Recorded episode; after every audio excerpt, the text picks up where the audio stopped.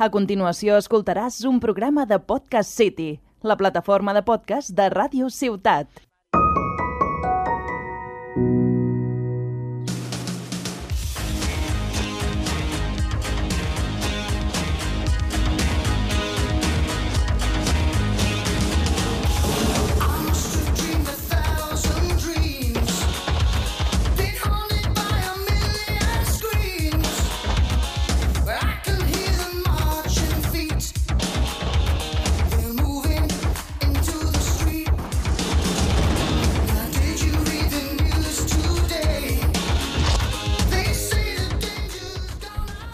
Hola a tothom i benvinguts al tercer programa d'aquesta nova temporada de Tarragona Sostenible, podcast de Ràdio Ciutat de Tarragona que es realitza en el marc de les activitats dues a terme des de la càtedra d'AURB de Desenvolupament Sostenible. El nostre objectiu és el mateix, abordar aquells temes relacionats amb el medi ambient i el nostre model de desenvolupament. Com de sostenible o poc sostenible és el nostre model de desenvolupament. Ja vam comentar en la temporada anterior que eh, alguns dels projectes de recerca que vam analitzar encara estaven realitzant-se, per la qual cosa ne tornaríem a parlar i tot arribarà. Però també hem incorporat nous temes com els que vam tractar als dos primers programes d'aquesta temporada. Per un costat, els drons i la seva utilitat en la docència i la recerca universitària i, si recordeu, eh, un podcast que tot just acaba o fa poc que ha vist la llum, vam parlar de les cremes prescrites que realitzen els bombers de la Generalitat de Catalunya. I de què parlarem avui? Doncs avui parlarem dels riscos naturals d'origen geomorfològic, esllavissades, enfonsaments, terratrèmols, volcans... Sí, aquests darrers molt d'actualitat per l'erupció del Cumbre Vieja, a l'illa canària de La Palma, i amb qui parlarem? Doncs avui mos visita Joaquim Roset. Bon dia, Joaquim, i gràcies per acceptar la nostra invitació i estar avui aquí amb nosaltres. Hola, Òscar. Gràcies per convidar-me. Molt bé, gràcies a tu per vindre. Joaquim Roset és enginyer geòleg per la Universitat de Barcelona i la Universitat Politècnica de Catalunya, és una titulació compartida, i també és màster en Ciència de Tecnologia i Gestió de l'Aigua per la Universitat de Salamanca. És així? Quimo? Sí, Salamanca. Correcte, correcte. És així, de Salamanca. És membre del Col·legi Oficial de Geòlegs de Catalunya. Professionalment mm -hmm. és fundador i soci de l'empresa Geosud Enginyeria Geològica i també és professor associat a l'Escola d'Arquitectura de Reus de la Universitat Rovira i Virgili. Doncs bé, comencem. Mm, Joaquim, volem principalment parlar dels riscos geomorfològics que es donen a Catalunya, i especialment a Tarragona, a la província de Tarragona. Però primer, donat el context amb el que ens trobem d'aquest volcà a l'illa canària de la Palma, del Cumbre Vieja, fes-nos cinc cèntims de què ha passat o què està passant, no? Tots sabem que les illes Canàries són volcàniques, però realment no es troben a prop d'una zona de contacte entre, entre dos plaques tectòniques. Què mos has de dir? Bueno, doncs, eh, efectivament no està a prop de dos plaques tectòniques i caldria dir doncs, que en el món eh, existeixen més de 30 punts calents que s'anomenen geològicament així, que són, estan dins de plaques que no són, no són zones de succió, de, de succió i, i, i són punts calents que realment el que provoquen és aquest vulcanisme. Eh, un exemple clar és les Canàries, però també podríem parlar de Hawaii, de, de Yellowstone, eh, principalment estan en zones del Pacífic i, i bastant cap al rift de, de l'Àfrica. Llavors, el que està passant aquí és simplement doncs, que aquest, aquest rift, aquest punt calent, doncs, s'ha activat, ni, ni més ni menys. Si no recordem, o si, si recordem, el 2011 va haver un famós eh, al Hierro, va haver una, una erupció submarina que si sabríem si sortiria una illa nova o, o no sortiria una illa nova, doncs ja va estar, a partir d'allí ja va haver un petit eh, canvi tecnològic, per cert, eh, doncs que a partir de, de la sismicitat eh, que hi ha en qualsevol zona, doncs pots realment deduir quan tindràs un, un efecte volcànic. Eh, en aquest cas eh, està tot molt ben, eh, molt ben cartografiat, ho tenien molt ben catalogat i a partir del 11, 12, sobretot el 14, 15 de setembre vam començar a veure un, un eixam allí de, de, de sismicitat eh, continuada, més de 3 i 4.000 terratrèmols que a poc a poc anaven, s'anaven conduint cap a una zona, van anar de, de la zona més profunda de 30 a 40 quilòmetres, van anar pujant en superfície, van veure que es deformava el terreny i, per tant, només calia esperar eh, on i quan, però se sabia exactament que allí se produiria un, un volcà. Llavors, és el que està passant a la Palma. Eh, la, la pregunta des del minut zero que va explosionar la, aquest volcà és quan s'apagarà o, o quan pararà. Doncs això són, són eh, riscos naturals que, que surten fora, diguéssim, de qualsevol, eh, de qualsevol predicció. O sigui, tu pots preveure quan, quan començarà, però no pots preveure quan s'acabarà. S'acabarà quan s'acabi la sismicitat i, i tothom tenim pressa a saber quan, quan s'acabarà, però realment eh, aquests riscos mm, tu no els controles, sinó que simplement el que pots fer és controlar-los i, i apartar la gent entre cometes i, i, ja està.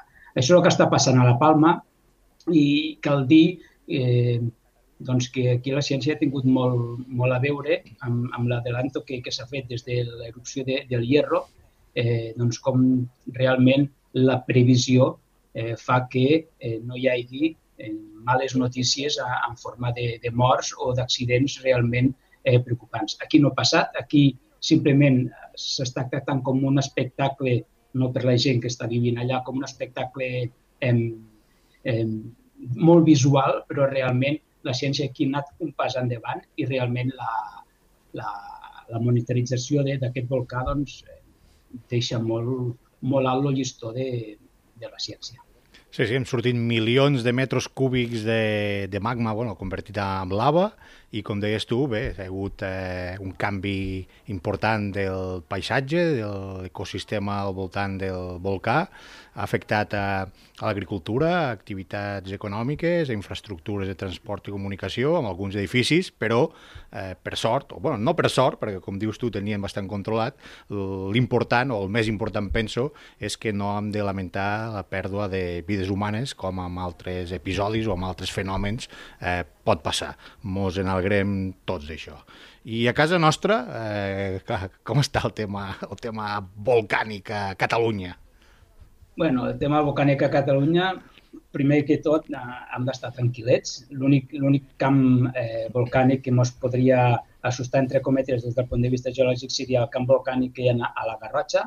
Estem parlant de més de 30 edificis volcànics que des del punt de vista geològic són actius, que no s'espanti la gent, són actius simplement doncs, perquè han tingut activitat durant els últims, els darrers de 10 a 50.000 anys. Això es considera actiu des del punt de vista geològic, però des del punt de vista humà doncs, ens queda bastant, bastant lluny. Eh, I per més vulcanisme doncs, no en tenim, no ens hem d'espantar per aquest risc, per altres, que ara en parlarem, sí que cal preocupar-nos, però pel risc del vulcanisme doncs, no cal preocupar-nos, tot i que surten inputs per totes les xarxes de, que si Explosió de la Palma, també Etna i també potser les de la Garrotxa, bueno, la gent doncs, se senten moltes Teories. animalades. Sí, sí, sí, que potser primer fan cas a, a, a una xarxa social que no passa amb qui realment ne sap.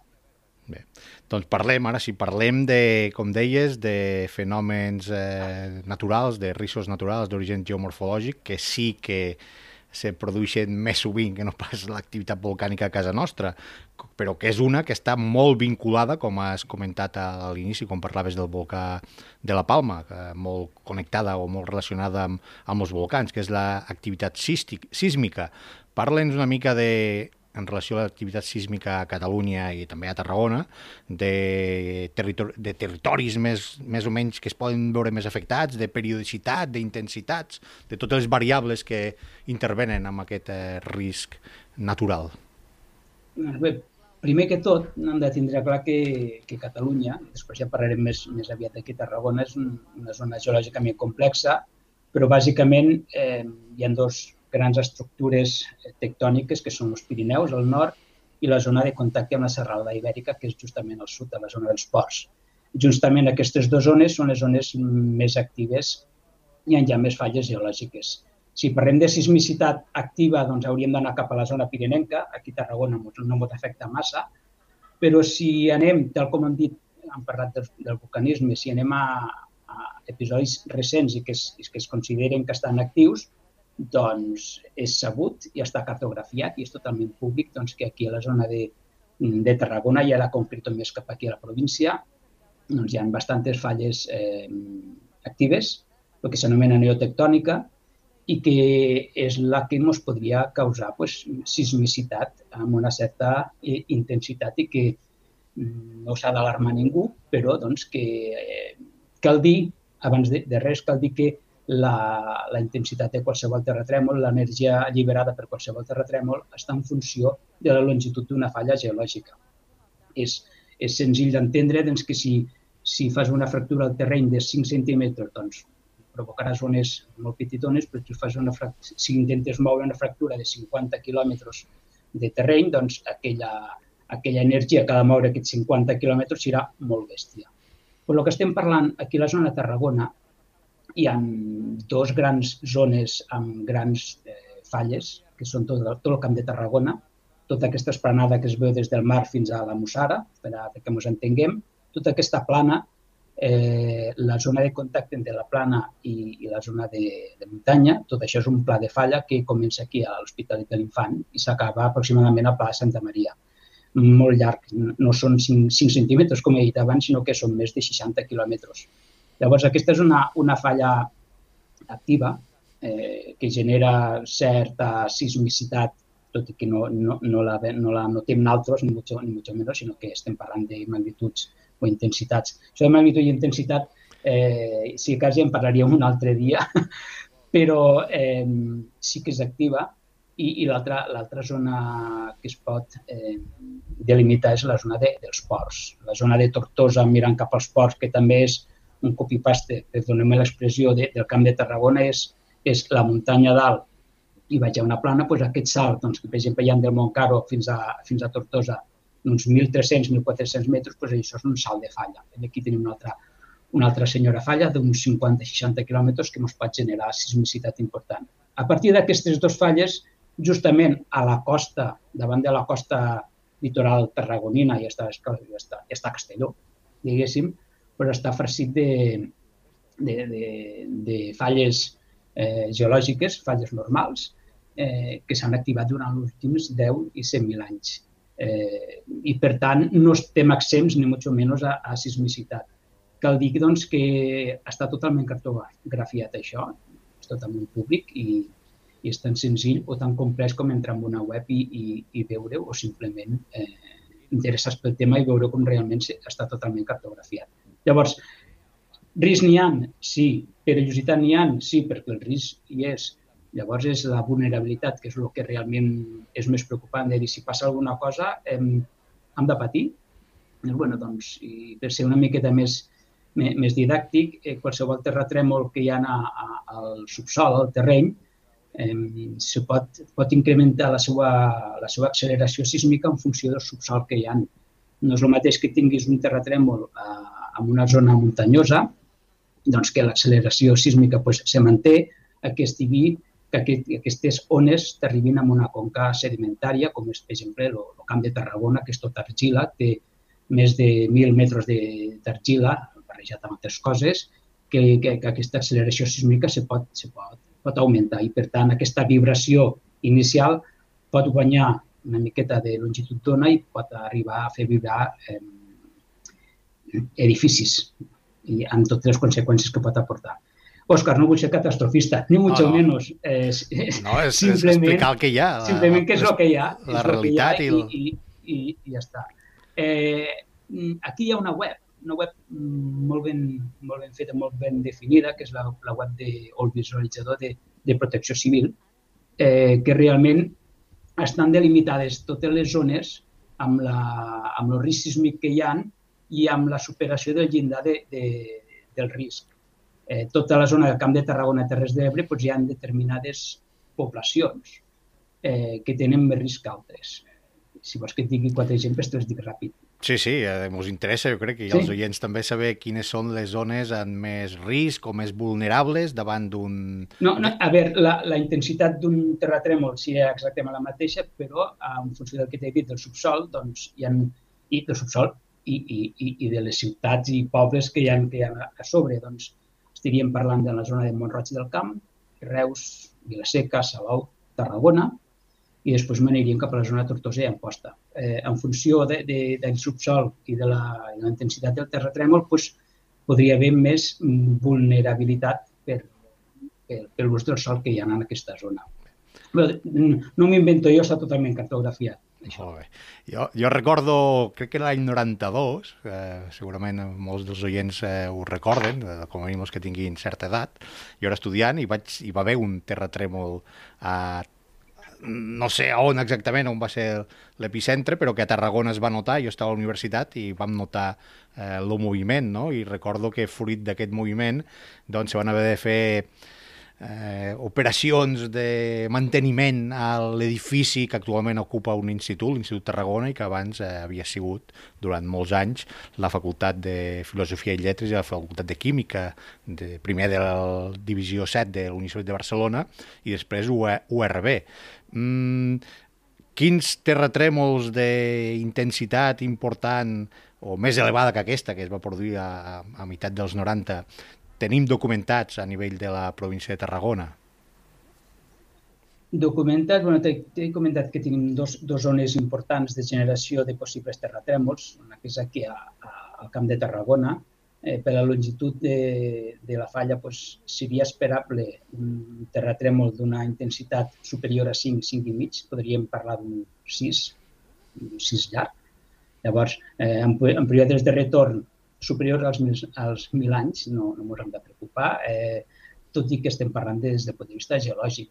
Evidentment s'ha de tenir en consideració, sí, el que no pots fer, que això es, passa amb altres riscos, és em, agafar tots els edificis i tirar-los a terra i fer-los fer, sismoresistents. O sigui, no, això no es pot fer, doncs, doncs les normatives a poc a poc s'aniran variant i s'aniran canviant. Però eh, estem parlant d'intensitats que poden anar des del 5 fins a ratllar els 6 i mig, 7 aproximadament. Eh, aquí n'hi ha de cartografiats eh, més important de la Catalunya Sud pues, va ocórrer al nostre poble, a Tivissa, eh, el, el 1845, i va ser un terratrèmol, encara no hi havia eh, sismògrafs, i es va fer per, per, per danys a, a la població i als terrenys, i s'estima doncs, que, que s'estima aproximadament que va tindre una intensitat d'uns 5 a 5 i mig. Prou, prou bona, prou maca, com, com per a tindre en consideració. Cal dir doncs, que gràcies o per culpa d'aquest aquest terratrèmol les centrals nuclears estan dimensionades per a, per a aguantar sismicitats de, o sismes d'aquesta intensitat. Eh, el curiós d'aquest cas de, de la zona de, de, de Tivissa va ser doncs, que aquest, aquest terratrèmol va estar produït pel que s'anomena hidrosismicitat, grans pluges eh, torrencials que va haver a finals de l'època de la petita edat de gel, eh, grans precipitacions agudes en aquella zona doncs, baixen per les fissures de, de les falles que hi en aquell cas va coincidir que és a la zona d'Ibissa, el que fan és mm, augmentar la pressió i facilitar que aquests dos blocs d'una falla llisqui. Cal dir doncs, que s'estima que el, la falla que va produir aquest terratrèmol no tindria més de 5 o 6 quilòmetres, era petitona, però bueno, va donar, va donar que, que parlar. I altres sismicitats que hi ha hagut per aquí estem parlant de intensitats 2-3, 2-3, fins que va arribar al Castor, pum, un 4. Però ja en parlarem, si ja en si per, per la part final, el tema del Castor. Però, lo, però, però realment la, la, la normal està, estem parlant d'1 a dos i mig, a tres, no, no, no sobrepassem això, ni, ni més ni menys. I ja t'ho dic, les zones són extrem nord de, de la zona de Tarragona, tota la zona de oest, des de Valls, de Santa Maria fins baix a l'Hospitalet i, i la zona dels ports. La plana del Burgà, eh, que està tocant, diguéssim, entre la Ribera i el Baix Ebre, és una, una bona zona també com per a produir certa sismicitat. Molt bé.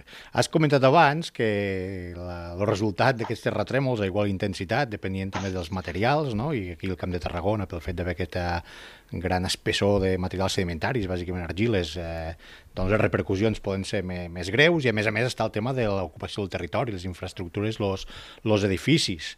Així com tots tenim clar que hi ha molts municipis que han de tenir plans d'emergència vinculats a incendis forestals, no? l'Infocat o, o les inundacions, l'Inuncat o, o altres dels molts plans d'emergència existents. En el cas de la sismicitat, com està? Existeix un pla d'emergència vinculat als, als terratrèmols? Eh, hi ha municipis que estan obligats a disposar d'aquesta planificació en matèria de riscos naturals, concretament dels terratrèmols? Hi, hi, ha, hi ha el pla sismicat de, de, de, la, de la Generalitat que, que bàsicament el que, el que fa són, són recomanacions sobre quan hi ha una sismicitat eh, o quan hi ha terratrèmol, com actuar. La normativa actual no exigeix a, als pobles a tindre una, un, un pla d'evacuació o antisísmic per, per simplement per la intensitat que, que pot arribar a generar o que podem tindre aquí. La zona pirinenca seria més preocupant perquè, primera, doncs, la intensitat pot ser més superior i segona, perquè estem parlant d'una orografia, una topografia molt, molt més favorable a que un terratrèmol te provoqui altres, o generi altres riscos, com pot ser caiguda de blocs, eh, esllavissades o altres, o altres tipologies. Repeteixo, eh, la norma sísmica està molt, està molt verda, he de ser sincer. Eh, va ser l'any 2011, si no recordo malament, va haver un, terratrèmol de, de l'Orca, va haver bastanta, bastanta malmesa en una certa part de, de la ciutat, en altra no. Simplement és per l'ocupació, eh, no, per ocupació no, pel subsol. Mm, les zones, en una zona van vibrar més que en una altra zona, o sigui, es van veure amplificades i per això va haver problemes en uns edificis i d'altres no però els tècnics van veure que a partir d'aquell terratrèmol, estem parlant de fa 10 anys ja. Òscar, sí, sí. Eh, van veure que, que s'havia de canviar la normativa perquè eh, sempre s'estava menyspreant o s'estava menyspreant l'energia i la, i la intensitat dels terratrèmols. Eh, la, el pla sismicat està, està, està actiu, està actiu quan, quan hi ha petits terratrèmols de 3, 3 i pico, no sé, no fa massa em va haver un parell aquí de la, a la zona pirinenca, es va activar el sismicat en fase de prealerta, després se va desactivar, però repeteixo, aquesta web de protecció civil, protecció civil s'ho està treballant no? molt bé, realment creu amb, amb, los, amb els riscos naturals i, i tenen molt ben definit això que he dit abans de la, de la superació del, del llindar de, de dany d'una zona o no. Per tant, aquí sí que el sismicat i, ha, i sobretot protecció civil posen més eh, èmfasi a les zones on pot haver riscos importants que és les que t'he comentat anteriorment aquí a la província de Tarragona, que siguin aquestes, aquestes poblacions. Evidentment, ja no podem parlar de les conseqüències que pot tindre un terratrèmol, que no són les mateixes aquí a, aquí a Tivissa que no pas a, aquí a Tarragona. No podem comparar l'ús del sol i més els riscos associats a, amb, aquesta, amb aquesta sismicitat.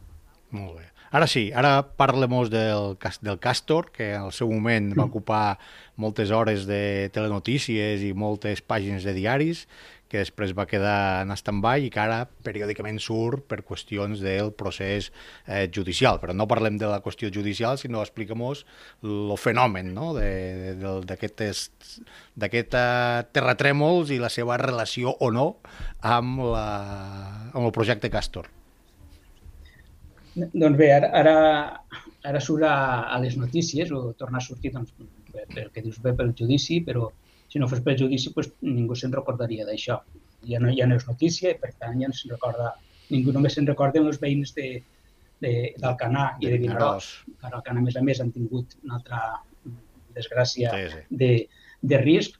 Eh, però bueno, per a que ens entenguem, eh, abans d'he parlat de, de falles actives de neotectònica, falles actives quaternàries que estan totalment delimitades, cartografiades i, i aquí davant de la costa d'Amposta, sobretot la costa d'Amposta fins baix a Castelló, doncs hi ha una sèrie de, de falles eh, totalment paral·leles a la costa que són, són actives o que han estat actives durant el quaternari. Eh, aquestes falles estan aquí perquè sí eh, o no, doncs la, la, la Serra Montsià, la Serra Montsià eh, cota 700 a, a dalt de tot, doncs està fracturada en forma d'esglaons. Està en forma d'esglaons. És com si haguéssim, agaféssim una escala i l'escala més alta és la Serra del Montsià, el següent esglaó doncs, és, està a Sant Carlos de la Ràpita i progressivament en direcció al mar, doncs aquests esglaons van baixant. El límit entre esglaó i esglaó, aquesta línia, el que s'anomenaria les, les, les falles geològiques que són totalment actives. Per tant, estem tenint una sèrie d'escales de, de calaixos quiets allí que si apretes per un costat doncs te'n surt per un altre.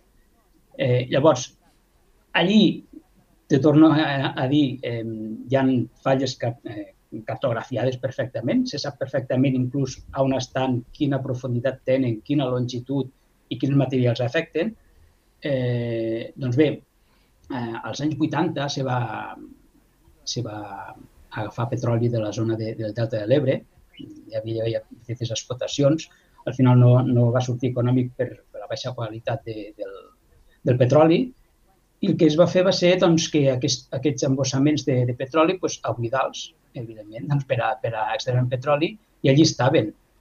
El projecte Castor el que realment eh, tenia pensat era aprofitar aquests dipòsits de, de, ja buits de, de, de petroli però plens d'aigua de, del mar per a injectar-hi pues, gas, en aquest cas. Gas que ara ens tallen l'aixeta per tot arreu. Eh, sí, sí.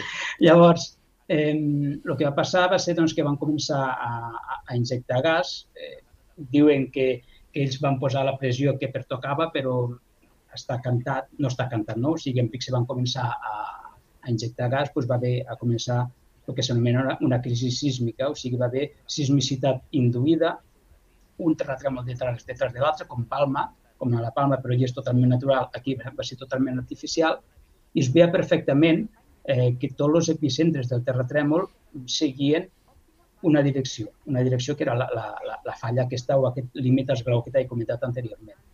Fins que va arribar un límit doncs, que se van passar de, de pressió, ells diuen que, que no, per aquí, està, per aquí va el judici, que va fer moure un esglaó.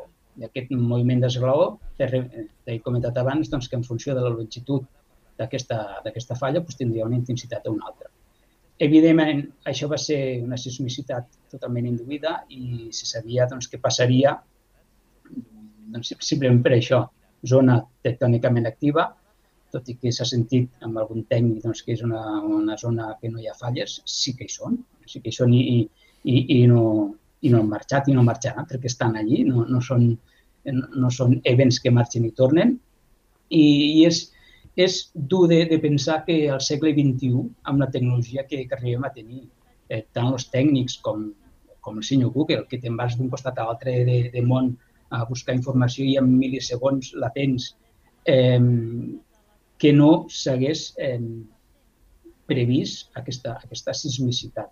Se sabia que hi havia aquelles, aquestes falles geològiques i, i bé, ara el judici està en marxa. No sé si, si arribarà a bon port o no arribarà a bon port, però des del punt de vista tècnic, pues, quan va passar això, pues, no, no els enginyers geòlegs, sinó molts tècnics de, de totes les rames, ens vam posar les mans al cap perquè vam dir eh, com s'atreveixen a dir que aquesta sismicitat és... Eh, natural. És natural.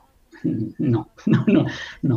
Eh, donaria per, per molt, però no em vull allargar més. Bé, esperem que s'hagi pres la lliçó i que no repeteixin aquestes situacions no desitjades.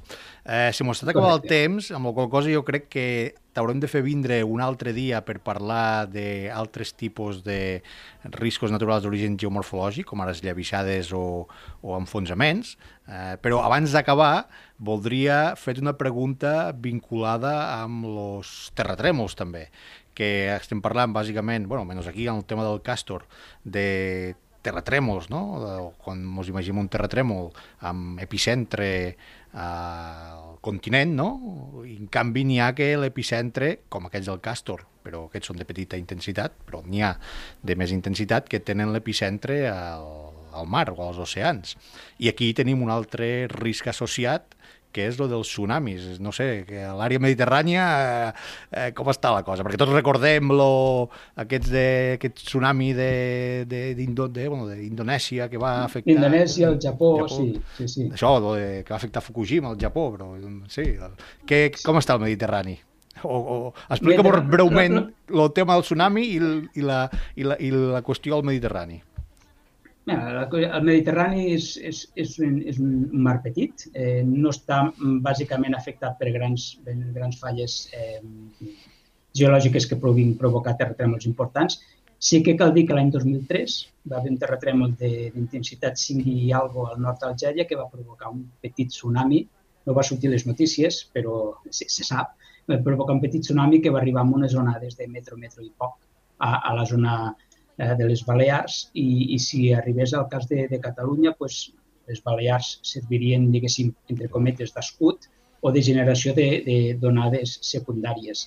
Al Mediterrani l'única cosa que caldria patir seria alguna esllavissada submarina de grans magnituds que podria provocar un, un tsunami mm, d'est a oest, de nord a sud, de llevant a ponent, o sigui, tot està en funció de, de petites esllavissades o grans esllavissades. Si m'ho anem a l'altre costat de la península, no fa massa, el 1 de novembre, en 1755 va haver un oh, senyor terratrèmol amb posterior tsunami molt bèstia a la zona de Lisboa. De Lisboa.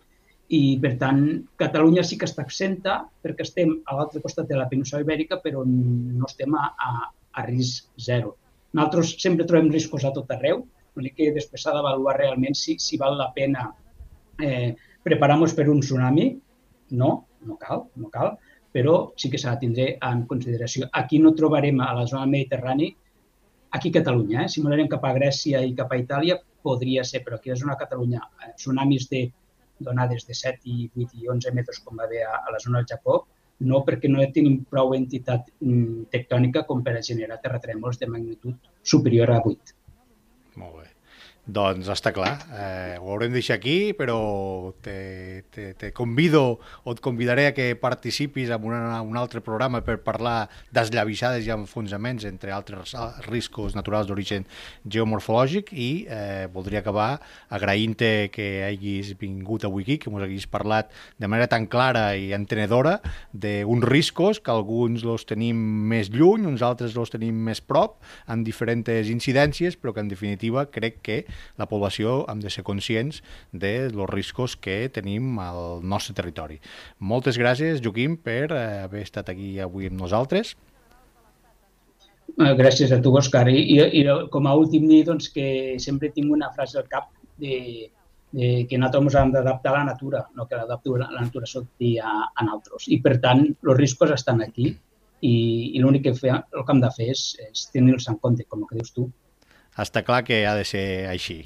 I bé, ho deixaríem aquí, finalitzem aquest tercer programa de la nova temporada de Tarragona Sostenible, doncs eh, agraint, com diem, al, a l'invitat d'avui, el Joaquim Roset, enginyer geòleg, i eh, doncs bé, espero que, que hagi sigut prou interessant i que mos veiem en una nova edició de Tarragona Sostenible, podcast de Ràdio Ciutat de Tarragona. Adeu a tothom!